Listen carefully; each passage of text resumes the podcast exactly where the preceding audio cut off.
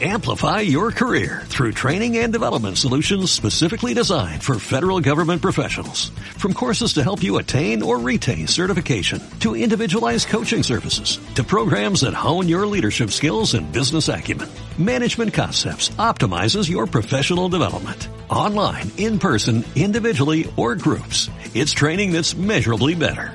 Learn more at managementconcepts.com. That's managementconcepts.com.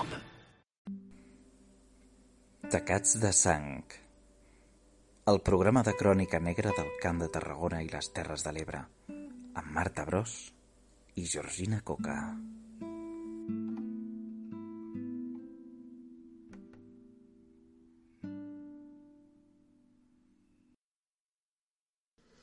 Bona nit i benvinguts a Tacats de Sang.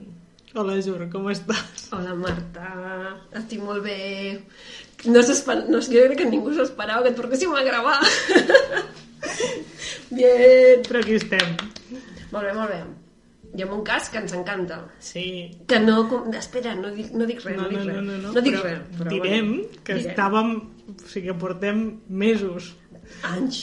mesos, eh, mirant els títols dels, dels crims que surten Sí, sí, a crims esperant que no surti aquest cas perquè el volíem fer nosaltres primer. És això, Que ens escolta el mateix públic. Bueno, sí, segur que ens escolta el mateix públic.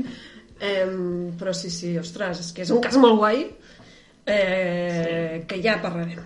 Sí, perquè primer, primer volem explicar-vos unes quantes coses. Tenim micro nou. Tenim micro nou. A veure hola, com se hola, sent això. Què tal? Ens podeu explicar si, si se sent millor, se sent igual. Si se sent el partit de pàdel que estan jugant ara mateix Davant de casa Marc meva. Que Sí. esperem que no. I si se sent, és això. Hi ha un partit de pàdel. Coses que fan a Reus, tia. Sí. No tenim pistes ni res, no. No? Tenim un pavelló olímpic Però aquí. fet l'any 92. Ah, molt bé, Marc. Enguany fa anys el pavelló olímpic. Molt bé, és una notícia molt important. És molt curiós que et sàpigues quin any et va fer el pavelló Home, olímpic. perquè és olímpic. Ah! I es va fer per les I feien competicions de Barcelona 92. El van fer I per què això. van fer aquí? No, no ho sé, tenia 4 anys. Ja, tio. Ostres! Molt bé, molt bé. Uh, què més? Volem, Coses que hem de dir. volem agrair a tots els comentaris que hem rebut Molt de bonic, gent molt bonic. alegrant-se moltíssim de que tornéssim a gravar. Ha sigut molt maco, eh? Mencionarem uns quants perquè vam preguntar perquè la Jur sap que a mi m'interessa moltíssim Que et saber preocupa. d'on Que ens et escolta. I ens han comentat gent de Manresa, gent de Saragossa, gent de les Terres de l'Ebre, gent una persona d'Amposta que ens escolta des de Melbourne Ai, genial, eh? i també, espera't, perquè n'hi ha més, des d'Andorra, Bien. que això ja ho sabíem, però ens fa il·lusió, des de Badalona, des del País Valencià, des de Lausana a Suïssa, Toma. i de moment ara no en veig cap més, però segur que ens escolten des de molts més Des de molts llocs i estem més tranquil·les des de, Sí, saber on però si som. voleu tornar-nos a escriure i dir-nos altres llocs des d'on ens escolteu, També. també. I què feu mentre ens escolteu? Exacte. que és Què molt interessant. Tu què fas? Quan escolto podcast, moltes vegades rento els plats o estenc la roba. Jo Són les també. meves activitats d'escoltar podcast. I treballant, jo també. O vaig a llocs. Quan vaig a, caminant a treballar i coses així, a vegades escolto podcast. Ostres, jo anava a caminar escoltant crims quan sortia a caminar per fer exercici i tal i, i m'havia fotut cada susto, tia. Sí, sí, a mi m'havia, em va passar una vegada que en, en el confinament, quan ens van treure del confinament dur, que ens deixaven sortir a fer sí. exercici unes hores concretes, Tothom segons era l'edat eh, llavors. Segons l'edat que tenies, podies sortir una, unes hores o unes altres. Hòstia, no me'n recordava d'això. Vale, doncs a nosaltres ens tocava sortir cap al vespre. I jo anava escoltant un podcast de True Crime americà i, i record, vaig anar a fer una, un tros de ruta per una part de Reus que en aquell moment, mentre escoltava aquell, aquell podcast em va agafar com molt de, com molta por. On eres, de Reus? Estava tornant per l'altra banda de la Riera Miró. Els La ploms? zona- No, del, tota la zona del Camí de Valls, carrer del Roser, tot això. Bueno, clar. Sí, sí.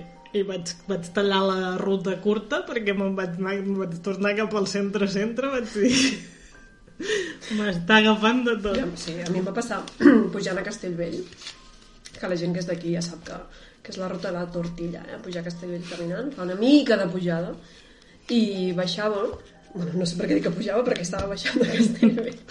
perquè per, per baixar de Castellvell primer has de pujar I hi ha molta gent corrents i, i em va passar un tio pel costat, però és que vaig fotre un crit, tio. Escoltant un puto cas de crims, tio. Em vaig cagar i vaig dir, no, no. Doncs anava amb, una, amb treure un auricular. Com si em salvés la vida treure un auricular. I, i això. bueno, per, per, per parar atenció al teu Hòstia, entorn sí, sí. ja ho diuen que és un tema de supervivència has Exacte, d'estar que atent al teu entorn què més? Uh, volem agrair al Jacint Casademont Ai, sí, que que bonic. ens va mencionar fa 5 mesos però nosaltres ho hem vist ara perquè som així de veure les coses tard però eh, en un dels seus tuits No. ah, sí, sí. en Ai, un sí, dels sí. seus tuits Posava en i era Twitch. no, no. en un dels seus, en un dels seus tuits que després penja a YouTube eh, que, està, que comentava crec que el cas de la Guàrdia Urbana Sí. eh, ens va anomenar el millor podcast en Home. català de, de True Crime I ens ho creiem. No, que superbé, no, no? Jo em vaig emocionar molt l'altre dia, perquè és una cosa, l'escolto molt, l'he descobert fa poc, té una, té una secció que es diu, bueno, el canal del Twitch i tal fa enigmes pendents que repassen casos de, de tot, eh? de, de crims, de, de l'hora fosca, del País Valencià, de, de tot. I, mm, i ens va dir això comentant un cas de, de la Guàrdia Urbana al principi de tot. Vull dir que t'ho agraïm molt, Jacint. Sabem que no és veritat, però t'ho agraïm. Fa un programa que val molt la pena, també us el recomano. A mi, a mi. Bueno, no sé. És molt interessant i he rigut molt, eh, en algun dels seus casos. Vull dir, dels seus programes també ric moltíssim. Vull dir que barreja de tot i Està molt recomanable. Sí, sí. Riure llarga la vida. Sí, sí, i més parlant d'això, vull dir que... de puta mare, no? No, però... Si us venen assassina, poseu-vos a riure, potser Clar, aconseguiu. que marxin. Um, I parlant de la Guàrdia Urbana, ja que, que l'altre dia no, us comentàvem que parlaríem una mica del cas de la Guàrdia Urbana i del que ens havia semblat. A veure, just responent també, perquè el, el, en Enigmes Pendents, crec que és això, comenten en el cas de crims de la Guàrdia Urbana, que està dividit en quatre capítols, i comentant el segon capítol, el Jacint i, i el company que, que hi ha de la, de la nit més fosca, deien per què la Rosa Peral, segur que tots ja coneixeu el cas de la Guàrdia Urbana, i no l'explicarem. Teniu, teniu, Vols- els, vols fer una teniu, intro, Marta? teniu els quatre capítols de crims a 3 a la carta. Hi ha mil teniu, coses, teniu vídeos mil parlant del tema. Teniu... Hi ha el podcast també de crims de la Guàrdia Urbana, que és un capítol només, però bueno, ja, ja sabeu. Bueno, Els guàrdia per- per- urbanos? Així, resum ràpid. Uh, Rosa Peral estava en una relació amb Pedro... Pedro no sé, Pedro algo. Pedro... Algo? Rodríguez, pot ser? Ai, no ho Saps sé, com es diu. ara perquè no Ja, me'n recordo els preus. Pedro Jiménez? Pedro Rodríguez. Pedro... Ah, mira, Estava en una relació amb Pedro Rodríguez, eh, que també era gent de la Guàrdia Urbana, exacte. i ten, mantenia una relació extra... No Extra, extra matrimonial, no. no, perquè no estaven casats, però bueno, mantenia una altra relació Ella. amb l'Albert López, que també era un agent de la Guàrdia Urbana, i eh, Pedro Rodríguez va acabar mort. Bueno, que el maten, bàsicament. Al pantà de Foix. Bueno, no, el maten a casa seva i el Ah, deixen en un, el maleter d'un cotxe al pantà de Foix i cremen el cotxe. Bona idea. No mal... Bueno, vull dir que en el sentit de que, que, els, que, que els, quasi que els hi funciona. Vull dir, Sí, si sí, sí, analitzes, sí. és, ostres, mm, per poc, eh? Bueno, de, després l'ha cagat molt per moltes altres coses, el tema dels Sí. mòbils i tot plegat. Però mm, jo us he de dir moltes coses, espera. Vull dir, jo tinc una... A veure, això, el tema del, del Jacint que treuen així que pregunta per què es compra testos d'embràs, Rosa Peral, un dia abans de matar a Pedro. La meva teoria és que estava, es sospitava que ella estava embarassada de l'Albert, de l'amante, o de los amantes, perquè tenia molts amantes aquesta senyora.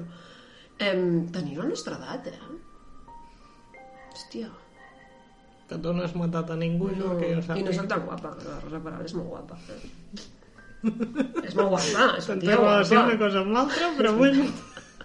Bueno, que, bueno, que follava més, segurament, al final. Perquè era, era una tia, és una tia molt guapa. Però jo crec que la meva teoria és, la meva teoria és aquesta. Que es compra els testos perquè estava, ella es pensava que estava embarassada de l'Albert. I podria ser un dels motius de matar també l'altre, perquè els hi sobrava. Tot i que no entenc, eh, per què el maten. Perquè No, ni que no, sigui no. pel mantero, o per l'altre, o per no sé, cal, no ho entenc. No. Jo crec que es creen invencibles al final i, i que l'Albert potser ja ho havia fet, segurament, i, i bueno, se n'havia sortit. Sí, no, jo el que trobo en aquest cas, en la visió que es dona d'aquest cas, Sí. eh, és aquest focus sobre les Sobre relacions ella. de la Rosa, Sí, sí. el tipus de persona que era, Mhm. es posa molt de focus aquí, no es posa de... O sigui, no ho sé, es fa una... lec- Trobo que es fa una lectura molt masclista d'aquest cas. I no per defensar-la a ella, Ja, ja, perquè en ja, el ja, cas de, ja. del crim no... Ja, ja. Però Sí, sí. s'analitza molt això. S'analitza molt... massa. Massa, això. Sí que, i el fiscal i tot ho diu, eh, en el, en el judici, Que també. no en- s'està jutjant Vull les que- relacions d'aquestes persones, però, però que això sí que et determina potser un caràcter, vull dir, la mentidera, vale? perquè Mm. per mantenir cinc relacions, perquè, no sé, cinc, però tres segur, perquè hi ha l'home, el, el nòvio i l'amant durant uns moments, no? I després també el veí, més endavant, i, i vés a saber qui més. Però crec que també se li dona massa, massa import... Sí que determina que la, ella era mentidera, segurament, i que manipulava, perquè clar, déu nhi la, la gent que havies de tenir mental per tot això, i filles, però crec que se li dona, és el que dius, massa importància Mm. en això, i molt poca importància en quan, amb, amb, amb l'Albert, per exemple, en com era l'Albert. Exacte. Vull dir, hi ha un moment en què es diu el programa de que l'Albert se'n va a Punta Cana a celebrar la vida de solter. Ara sentireu de fondo El el senyor del pàdel. Però és cert vocabulari que el tenim com molt incorporat i que l'acceptem molt bé i no sé, jo clar, l'he vist 250 cops perquè m'ho m'ho fico mentre estic treballant em foto casos de crims i, i t'acaba... Si tu el veus un cop, t'ho juro que no ho veus, eh? No, no, no... Ho jo vull veure, eh? però... Bueno, perquè veus la part d'ella i tal, però Sí. no veus tant el vocabulari que fan servir per ella i per ell. Ja. No, a veure, Quan si, el repeteixes... si et pares a analitzar-lo o si ho veus moltes vegades és més fàcil veure. Sí, sí, sí, sí. I a mi m'ha agradat, eh, que Crims, Sí. que és molt guai i que està superben fet i que el van plantejar superbé perquè és, també és difícil, és un cas que hi ha moltes cosetes i això, i que l'han fet molt bé, només no vull criticar-ho, però sí que molaria haver, primer, més vida de l'Albert, com era ell, que ja es denota, eh, però com era ell, el tema del manter, el tema del, del homeless que, que mata, que crema, ella acusa Sí, sí, sí. no? que explica allò que agafa un, un rodamont i que el crema en una nau clar, aquests casos, penses, hòstia, perquè no s'ha vist bueno, potser no hi havia res Potser sí. Però si hi hagués alguna cosa també et, et, et explica algun tipus de caràcter no? i no- crec que només s'anomena ha el tema de l'emmanillat d'aquest manter que, mm. que es tira sí que, se, que es veu una mica més però hosti, si ens haguessin explicat una mica més això també et fas una idea més de l'Albert no? Clar. perquè, el que deies tu un altre dia per què a Twitter es diu que l'Albert és tonto i que l'han deixat enredar Exacte. perquè hi ha aquesta puta visió d'ell dius, no tio, aquest tio el que es Sí, creia sí, jo vaig tenir aquesta discussió quan s'estava matent el programa amb algú, Mhm. no diré qui, perquè va ser més d'una persona, de que estàvem comentant el cas i quin, què en pensàvem i quin... perquè al final el judici es, no s'estableix qui és l'autor material de la mort perquè es considera que els dos poden ser-ho, tenen exactament Sí, sí. les mateixes i parlar d'això amb una persona amb diverses persones i algunes d'elles tenien aquesta concepció de que l'Albert era un pobre desgraciat que s'havia deixat tot redar per la Rosa, que era una gran manipuladora. I dius, mm, No, ni tio. tant ni tampoc. No, vull dir, no. No. O sigui, aquí cap, no. cap dels dos és innocent. Jo crec que no, ni molt menys, tio. Vull dir, no. Perquè no, no té sentit, llavors. No, No, no, no. I m'ha agradat eh, veure més eh, en el cas de crims, eh, una mica més això, però bueno, que, que és, és, és molt interessant i que, i que mm, en resposta als tests d'embràs Sí. és la meva teoria. I que ens podeu comentar què en penseu, O, o no. o no. o ens podeu comentar quins altres casos així mediàtics us faria gràcia que comentéssim o ens podeu no sé, ens podeu recomanar casos podeu... endavant, volem feedback Ens ens podeu fa explicar la vida. feedback Ah, jo m'agradaria, tinc moltes ganes de conèixer més del, del crim de Susqueda, tio. Sí. A veure si surt... Bueno, clar, s'ha de celebrar el judici, no? crec que sí Que si van agafar aquell home al final. Però és un cas que... no, però a un home el van agafar i el van deixar anar perquè no hi havia Sí, però és el que van tornar a detenir perquè se'n anava a Amèrica. és veritat I aquest home va matar la seva dona fa no sé quants anys, saps? Que ja tenia, tenia aquí tema. Sí, Jo de dir- aquest ens l'hem d'analitzar bé, hem de mirar quan serà el judici i tot Mm, això, i sí. mira què en farem. Però bueno, si voleu que comentem algun altre cas o voleu saber... Jo he de dir que mm, a mi, els pan... a mi un dia en un pantà em va passar una cosa molt rara. Aquí tenim molts pantanos, perquè clar, el senyor Franco va dir anem a fer pantanos i tal. No, mena, el, el concepte del pantano no és dolent. Hòstia, em fa molta por. Ja. No sé, però o sigui, el concepte del pantano eh, per recollir aigua, per tenir aigua quan no hi ha aigua, ja. no, ho és sé, mal, no sé, mal no ho concepte. sé, No, no ho sé. No ho no ho. No, sí, sí, això, això necessito explicar-ho perquè necessito comentar-ho. Eh, jo vaig viure a Anglaterra durant un any te va passar amb els No em va passar res amb un pantano perquè a Anglaterra no hi ha pantanos. Per què serà? No, però eh, hi va haver tres setmanes de sequera. Ai, Tres setmanes. Que aquí no és res. tres setmanes de no sequera. plou des del novembre. Tres setmanes de sequera al mes de juny i els camps feien pena. Es van assecar tots. Ja, ja. I ho comentava amb una altra persona catalana que vivia allà i dèiem... Quina és que aquí, llàstima és que aquí no hi ha pantanos ni basses perquè aquí assumeixen que plou. que plou Ja, sempre tio. i es rega tot, però a vegades no plou. Mira, nena, fem una empresa de construcció de pantanos i anem cap allà. Perquè Ja, ja, però, canvi ens diran, climàtic... però ens diran, no, però aquí sempre plou. No, tio, no, ja ho veus. Eh, pues millor, perquè els, els pantanos passen passa coses rares. pantanos? No, em va passar. La meva, la meva el pantano de Riu de Canyes, Hombre, també s'ha de dir pantano. no pantà, eh? no, no, no. Pantano. El de Riu de Canyes i el de Siurana són pantanos. El pantano, vam anar al pantano a fer... La meva, la meva cosina es va casar fa uns anys i la despedida va ser un dissabte al matí, bueno, tot el dia, pam, pam, i vam anar a fer caiac pel pantano. Un pantà bastant petit, perquè arriba a Canyes Sí, tampoc sí, té un sí, pantà està, gran. està. I tu arribes allà, no sé què, i el tio del, dels caiacs, pa, pa, pa, ens fiquem amb, amb, de dos en dos i això, i estàvem fent com la volta, perquè no pots fer massa més. I més era, era... Es va casar a l'octubre o així, vull dir que devia ser, no era per banyar-te, saps? No, I... Coses. Sí. I, ostres, aquest home del pàdel. Em sap greu, eh? que ha. Però hem decidit que no tallàvem. No, no. Em... I estàvem passejant i hi havia molta gent pescant. Molts homes pescant. Molts homes que es veien com a...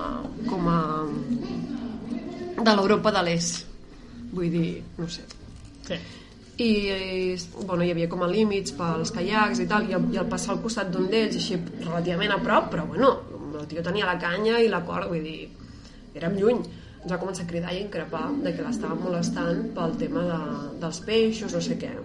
I, I clar, li vam dir, bueno, doncs si estem a, a la nostra zona, en plan, ostres, que no, que no, que heu de marxar, que fora d'aquí, que fora d'aquí... I jo li vaig dir, escolta'm, allà el noi dels caiacs, ves tu parla amb ell, vull dir, si hi ha un problema. Però en aquell moment, perquè hi havia molta més gent pescant, perquè nosaltres érem moltes noies, perquè hi havia el tio del caiac, però quan em vaig enterar això de Susqueda, d'aquests dos nois que van anar a fer caiac, penso, tio, és que el tio que ens va increpar a nosaltres feia dos metres, vull dir, un tio enorme, i vull dir, no sé, me va com recordar molt aquella situació de, ostres, és que no sé no sé quina conclusió treure eh? però No, que, no, és- que hi hagi gent rara als pantanos en general tant bé els que Sí, van sí. com els que hi ha allí eh? però Bueno, i el pantano és un lloc que sembla que no hagi de ser perillós i ho pot ser molt. hòstia, fa molta... però és que a més fa por com a, com a concepte Sí, tio, la presa Sí, sí, sí. l'aigua allí uh, uh, no sé, no m'agrada no m'agrada, ma, ma mare és una fan dels pantanos eh? vull dir el dia de la mona d'anar al pantano el dia de no sé què d'anar al pantano és com... crec que és la, no sé No, la boca de veïna la d'aquí d'aquí eh? Has d'anar a la boca de la No, mina. ma mare va al pantano de Riu de Canyes a buscar alguna no sé què anem a fer. Vull dir, sempre hi ha com a tendència anar al pantano. I ells hi anaven molt, quan eren més joves. Sí, però- bueno, de fet, no, és, no sé si és un pantano o un llac natural, perquè sóc així de divertida i no ho sé, Quina? però hi ha el, el llac petit de Terrassa, Ai, què és això? és un pantano. Ah, estic mirant si és, si és un pantà o és un llac natural, eh? però és un pantà. És el pantà de Can Bogunyà, però se li diu el llac petit. És un lloc en el que han passat i s'han trobat coses... No sé, sí, sí, s'han trobat restes mortals de, de diverses persones i ha desaparegut gent i han passat coses... Eh, Vull dir que els pantans ja, ja, ja, ja són un lloc, són un lloc. I és una Hi ha porta els a una altra. pantans i els creuers. no aneu de creuer. Ai, tia, és que hi ha un cas a Amèrica N'hi ha més d'un, però sí. d'aquella... Era un El creuer de Disney. Sí, el del creuer de Disney. És raro, Si eh? voleu el pròxim Sí, dia comentem el cas del creuer Sí, de sí, sí. Disney. I ara ens en comencem a anar fins al nostre cas d'avui, perquè ja seria hora. ja seria hora. Perquè a més és un cas llarg i si no se'ns farà... No sé quina hora se'ns farà. Ens farà la mitjanit.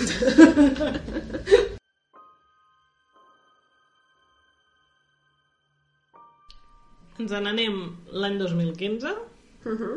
als Pallaresos, però en un cas que també passa per Tarragona, passa per Reus una mica i passa per Huesca. Exacte. I la nostra protagonista és la Carme Gallard. Mm. que era una dona de 65 anys que vivia als Pallaresos, que és un, un poble al costat de, de Tarragona. Un poble molt bonic, Sí, sí. Té molt un, petitet i molt bonic. Té un edifici... De qui és? Crec que és el Jujol. Ara diré Diria així sí. i no ho sé, però és maco, és maco. Sí, si no és Jujol, de ho vi, sentim molt. envoltat, sí. envoltat de vinyes i tot això. I què va passar, Jur, amb la Carme? Doncs la Carme Gallar, eh, el dia 18 de juny del 2015, estava pel, pel poble, pels Pallaresos, i havia de, de baixar a Tarragona. Uh, va cap a la parada de l'autobús i com que bueno, doncs, perd el bus, el que fa és preguntar als botiguers de la zona si algú la podia acompanyar als Pallaresos. Uh, es veu que ningú la va poder acompanyar i Carme Gallar, es perd la pista de Carme Gallar el dia 18 de juny del 2015. Uh, aquí, de seguida, tant els familiars com la policia des del principi tenen bastant clar que no és una desaparició voluntària. Per què? Doncs perquè la Carme Gallard estava enmig d'una batalla legal amb un agent immobiliari de Tarragona que l'havia estafat l'any 2006. Aquest agent immobiliari era Ramon Frank, de la immobiliària Frank, que es troba a la Rambla Nova. A la Rambla Nova de Tarragona i també a, a la Raval de Jesús de Reus, que també té una Sí. part aquí. I aquest, aquest cas d'estafa, bàsicament el que va passar és que la Carme Gallard tenia una, una finca a les escales del Miracle de Tarragona que volia vendre i es va posar en contacte amb, amb Frank per vendre-la. I ell el que va fer va ser falsificar la firma d'un com- d'un comprador. Li va fer creure que la, la finca es vendria per més d'un milió d'euros. Uh, i que ja estava l'operació en marxa. I llavors uh, amb la mateixa agència immobiliària ella tenia intenció de comprar una altra finca a Sant Pere i Sant Pau un, barri de Tarragona i va demanar un crèdit per comprar aquesta finca pensant que li arribarien aquests diners aquest mes de 1.100.000 aproximadament euros, però aquests diners no van arribar perquè el, realment no hi havia comprador. Llavors, eh, ella havia comprat aquest, o sigui, havia donat aquests diners que havia demanat de, aquest crèdit a Ramon Frank uh -huh. per comprar aquesta altra finca. Ell es va embutxacar una comissió de 45.000 euros uh -huh. i ell es va trobar endeutada sense aquests, aquests diners que creia que li arribarien i llavors va haver d'hipotecar una altra finca que tenia l'ametlla, no? de mà. Va, va hipotecar dues, dues finques més que va acabar eh, donant en pagament per cobrir els deutes uh -huh. i va acabar venent aquesta finca del Miracle molt per sota d'aquest valor d'un milió d'euros, la va vendre per 350.000 euros per intentar aixugar tot aquest deute que li havia quedat. Llavors ella va denunciar a Frank uh -huh. per aquesta estafa i el judici estava pendent. Eh, el judici s'havia de celebrar el 2016. Uh -huh. Però el 2015 ella desapareix. Sí, ella desapareix un any abans de, de la, del judici aquest per, per estafa. El que se sap és que un mes abans que ella desaparegui, ella desapareix al juny, doncs un mes abans, al maig, es reuneix amb, amb Ramon Frank en un bar dels Pallaresos en el que ell el que li demana a Carme Gallar és intentar arreglar les coses no, d'una manera doncs, extrajudicial, no? que ell li pagués amb negre, bueno, que ell li pagués d'alguna manera els diners que li devia, però ella, Carme Gallar, declina aquesta oferta i es creu que en aquest moment és quan Ramon Frank comença a idear a la desaparició o com fer desaparèixer a la Carme. La investigació comença eh, buscant, o sigui, investigant l'entorn de Carme Gallard. Uh -huh. eh, es qüestiona a Ramon Frank com a testimoni, uh -huh. perquè se sap que hi havia hagut contacte, i ell nega que hi hagi... Ell nega que li hagi ofert mai diners per, per, per aixugar, apartar, sí, sí. per apartar el judici i nega haver-la vist o haver-se posat sí, en contacte. Que feia dos mesos que no veia a Carme Gallar. No? Llavors, eh, la investigació en, en un principi se centra en, en el mòbil de Carme Gallard, en la localització del mòbil de Carme Gallard, i a partir d'aquesta localització del mòbil de Carme Gallard i sent Ramon Frank el principal sospitós, és quan comencen a veure's coses que porten a la detenció de Ramon Frank. A Ramon Frank el detenen al març del 2016 i llavors se sap que la localització del seu mòbil el situava ja als Pallaresos, molt a prop del domicili de Carme Gallard, en diverses ocasions durant el mes de maig i el mes de juny abans de la desaparició. En concret, el situa allà els dies 7, 8, 22, 27 i 29 de maig i els dies 10, 12, 17, ai, 16 i 17 de juny els dos dies previs a la desaparició, que és el 18. El que també el situa als Pallaresos al matí del 18 de juny, des de quarts d'onze, recordem que la Carme anava a agafar el bus a les 11 i no l'agafa. Des d'abans d'això, des de quarts d'onze, ell ja està als Pallaresos i està allà fins a La 1.48. la 1.48 del migdia. Després d'això, ell torna a Tarragona, aparca al pàrquing de la Baixada del Toro, que està molt a prop de la seva agència immobiliària de la Rambla Nova. S'està allà fins a les 3 de la tarda, crec que és. Hi ha una senyal del mòbil I hi ha una de senyal del mòbil de Carme Gallard des, de la mateix, des del mateix punt Mhm. a les 2 i 10 del migdia. Llavors, amb aquests indicis, eh, s'escorcolla el cotxe que feia servir aquells dies a Ramon Frank, que era un cotxe que havia demanat a una amiga seva, i allà es troben restes biològiques. I entre això, la localització dels mòbils i el fet que hi havia que havia mentit en el tema d'haver ofert diners a Carme Gallard i de no haver-la vist eh, abans de, dels fets eh, se li decreta presó provisional. Sí, el, de, el jutjat d'instrucció número 3 a Tarragona decret aquesta presó provisional i sense fiança per l'acusat el dia 16 de març del 2016, el que també un, de, un dels indicis que fa que la policia li tingui els ulls a sobre és que ell canvia molt, en canvia molt la seva rutina habitual, no? I tots aquests dies que tu comentaves de que estan molt als Pallaresos, uh, després que fa un viatge a, a Huesca el 20 de juny, vull dir, dos dies després de desaparèixer la Carme, ell fa un viatge a Huesca per la, per la Nacional, és una Nacional que va de Lleida al Pont de Suert, i el mòbil de Ramon Frank es detecta per la connexió, més aviat, a Benavarre. Està 2 hores 35 minuts en què no li arriben dades i, bueno, i no té connexió. Llavors, eh, la investigació, eh, el jutjat d'instrucció número 3 de Tarragona demana a la policia judicial de, de la Guàrdia Civil d'aquesta zona, de Huesca, que facin una investigació per aquests terrenys perquè es creu es creia que Ramon Frank havia portat a, a Carme Gallar a, fins a aquesta zona. Sí. Llavors hi ha antecedents de Ramon Frank. Tenim el fet de que eh, va contactar amb diverses agències de detectius durant els, entre el 2012 i el 2014. Ens hem de remuntar una mica també per entendre perquè també se sospita d'ella, que, que ja hi ha moltes coses que, que ho argumenten, però la investigació eh, veu que entre els anys 2012 i el 2014 eh, Ramon Frank contracta o contacta contacta i contracta una agència de detectius privats per obtenir informació personal de Carme Gallar, no?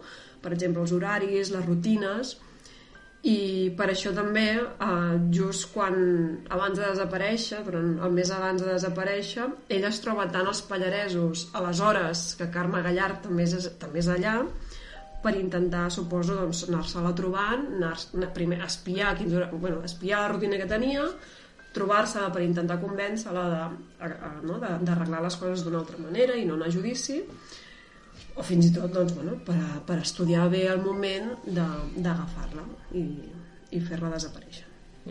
Hi ha un altre punt que també és les amenaces que Ramon Frank fa l'advocat de Carme Gallar. Sí, el 12 d'octubre del 2014, perquè això està... hi ha una denúncia aquí, l'advocat de Carme Gallar es trobava a Reus, en un restaurant de la plaça del Castell de Reus, i Ramon Frank se li va acostar, li va dir que vigilés, que no sabíem qui estava tractant, li va dir que aniria per ell, eh, li va fer gestos de demanar de tallar-se el, el, de tallar el coll i el va estar increpant durant una estona eh, de manera molt violenta i amb aquests indicis eh, ja la va construint sí. el cas hi ha la presó preventiva tot això fa que sí. Ramon Frank entri en una presó preventiva i després de tres mesos d'estar en presó preventiva i apareixen els resultats d'aquestes proves biològiques que demostren que l'ADN, bueno, de les restes biològiques hi ha ADN de Carme Gallar. Aquest ADN es troba a la zona del maleter, del, entre el paratxocs i el maleter, interior, com si diguéssim. També al seient de l'acompanyant i, com és, eh, que és curiós, en un drap de color rosa, segons el que hem trobat a la premsa, no? que, és un, sí. que és, potser és un drap en què mm, la va ofegar o li va tapar la boca o li hi havia algun tipus de, de substància. No? Sí. Uh, també afegir que el cotxe que conduïa Ramon Frank per seguir a Carme Gallar era el cotxe d'una amiga, ell demana a una amiga seva al cotxe amb l'excusa, bueno, el, el que li comenta és que ell volia seguir la seva dona per X motiu, no sé si perquè es pensava que tenia una amant o perquè alguna cosa, i la seva amiga del Ramon Frank li deixa el cotxe, que era un Hyundai, i quan li torna, al cap d'uns dies, eh, l'amiga el que diu és que era un cotxe bueno, que estava recent rentat, no? molt, molt, molt net, que, que, els, que els seients encara eren molls, que havia tintat els vidres del cotxe, que és una cosa que ja li va sorprendre perquè, mm, bueno, primer perquè no és el teu cotxe, no? I després perquè tintes un, bueno, un cotxe i uns vidres d'un cotxe que no és teu. I els Mossos van poder mm, resseguir aquesta pista perquè mm, van trobar el lloc on es van fer aquestes neteges i el tintar dels vidres perquè Ramon Frank va deixar el seu telèfon en, aquests, en aquesta empresa perquè el truqués quan ho tinguessin fet, no? Vull dir que a més és un indici més de, de, de la raresa no? de, de fer servir aquest cotxe de l'amiga. El judici se celebra un any després, entre l'octubre i el novembre del 2017. Ramon Frank sempre um, va dir que era innocent i que no sabia on era Carme Gallar. Um, el, que sentiu, el que sentireu ara és un fragment de, del judici en, en què ell declara això. No tinc que veure res amb aquesta desaparició. I ojalà que hagués aparegut o tinguéssim algunes notícies perquè no estaria sentat aquí. Creguin que ni, ni li fet res, ni mai li faria res a Mari Carmen. Això li puc jurar i perjurar. És interessant també eh, escoltar el que va dir la, la seva mare, la mare de Ramon Frank, quan testifica durant el judici, perquè li va portar una coartada. Ella, eh, durant, el, durant el judici, i no abans, que això també és una pregunta que, que li fa la Fiscalia no? i l'acusació de per què no ho havia dit fins a aquell moment, eh, explica que aquell matí del, del 18 de juny va estar amb el seu fill, que van quedar a Tarragona, que ella va venir, va agafar un autobús a Reus, se'n va anar cap a Tarragona perquè volien a comprar al centre comercial i van estar doncs, des, de, des de les 10 fins quarts de dues prenent alguna cosa en una cafeteria, parlant dels problemes que tenia eh, el seu fill, el Ramon, amb la seva dona, parlant del, del pare que també estava malalt i que això, que cap a quarts de dues ella se'n va anar cap al centre comercial i el seu fill va, va marxar, que primer sí que el va acompanyar a fer unes gestions eh, per pagar uns rebuts o alguna història de, de les aigües però que bueno, doncs li dona aquesta quartada durant el matí el que és interessant és que és això, no? que la Fiscalia li pregunti per què no ho diu fins ara quan han passat tants anys i ell el que diu que el seu fill eh, li, li diu que no ho digui en el moment que el detenen i el moment la, que el fiquen en presó preventiva i que ja ho diran, que ja ho explicarà més endavant en algun altre moment perquè no l'atabalin els Mossos i llavors, bueno, és, és interessant. També la dona de Ramon Frank testifica durant el judici i diu que aquell matí van estar surten a primera hora amb el cotxe, amb el seu cotxe, que és un Audi A1 de casa seva, se'n van a fer una, unes gestions que tenien a Ramon Frank es queda al cotxe i, i, i marxa i ella se'n va a peu cap a la immobiliària. Bé, el que va passar és que no, aquestes coartades, aquests testimonis no van tenir prou pes i finalment Ramon Frank va ser declarat culpable per un jurat popular a 15 anys de presó. Eh, i té bueno, li van ficar un ordre d'allunyament de, de durant 20 anys eh, respecte a la família de Carme Gallar, a la, als seus fills, havia, ha de pagar una indemnització de 450.000 euros um, i 105, i, de 450.000 euros i 150.000 euros per cada un dels fills. I a més, als fills no s'hi pot apropar a menys de 200 metres. El cos de Carme Gallar a hores d'ara encara no, no s'ha trobat. El, aquesta condemna per l'assassinat i ocultació del cadàver s'hi suma el 2019 una condemna de 6 anys de presó perquè se celebra el judici per l'estafa uh -huh. i se'l considera culpable de l'estafa i aquesta se sumen 6 anys als 15 de la condemna per assassinat i si en voleu saber una mica més hi ha un sense ficció que es diu Temps d'espera que parla sobre els desapareguts i, i es tracta el tema de la desaparició de Carme Gallar entrevisten a la filla i, i s'explica, bueno, surten els Mossos que van investigar el cas i s'explica tot això que m'ha explicat una mica dels mòbils, del moviment a Huesca. Dic que aquest cas és el segon aquí a Tarragona i diria que tot Catalunya, no ho sé, ho hauríem de consultar, sí. per tant no, no ho afirmaré, però és el segon aquí a Tarragona en què es condemna algú sense cadàver. Uh -huh. El primer va ser el cas de Ramon Lasso, uh -huh. que se'l va condemnar per l'assassinat de la seva... De la seva dona. De la seva dona i el seu cunyat. I el seu cunyat. Sí, sí. I que aquest que, que també és en aquest cas no? és, molt, és, és interessant no? quan hi ha condemna sense, sense aparició de, de cadàver i, i el cas el, van fer 30 minuts em sembla també del cas del Ramon Lasso sí. i també és que surt, hi ha una part que es, surten agents de l'FBI de, de quan que allà està com molt més extens hi ha judicis, mm, fa més anys que hi ha judicis on, on la Fiscalia es presenta un cas on no hi ha un cadàver, no? I també és molt interessant de veure. Sí. Bé, doncs fins aquí el nostre cas d'avui i Bona nit i tacats de sang.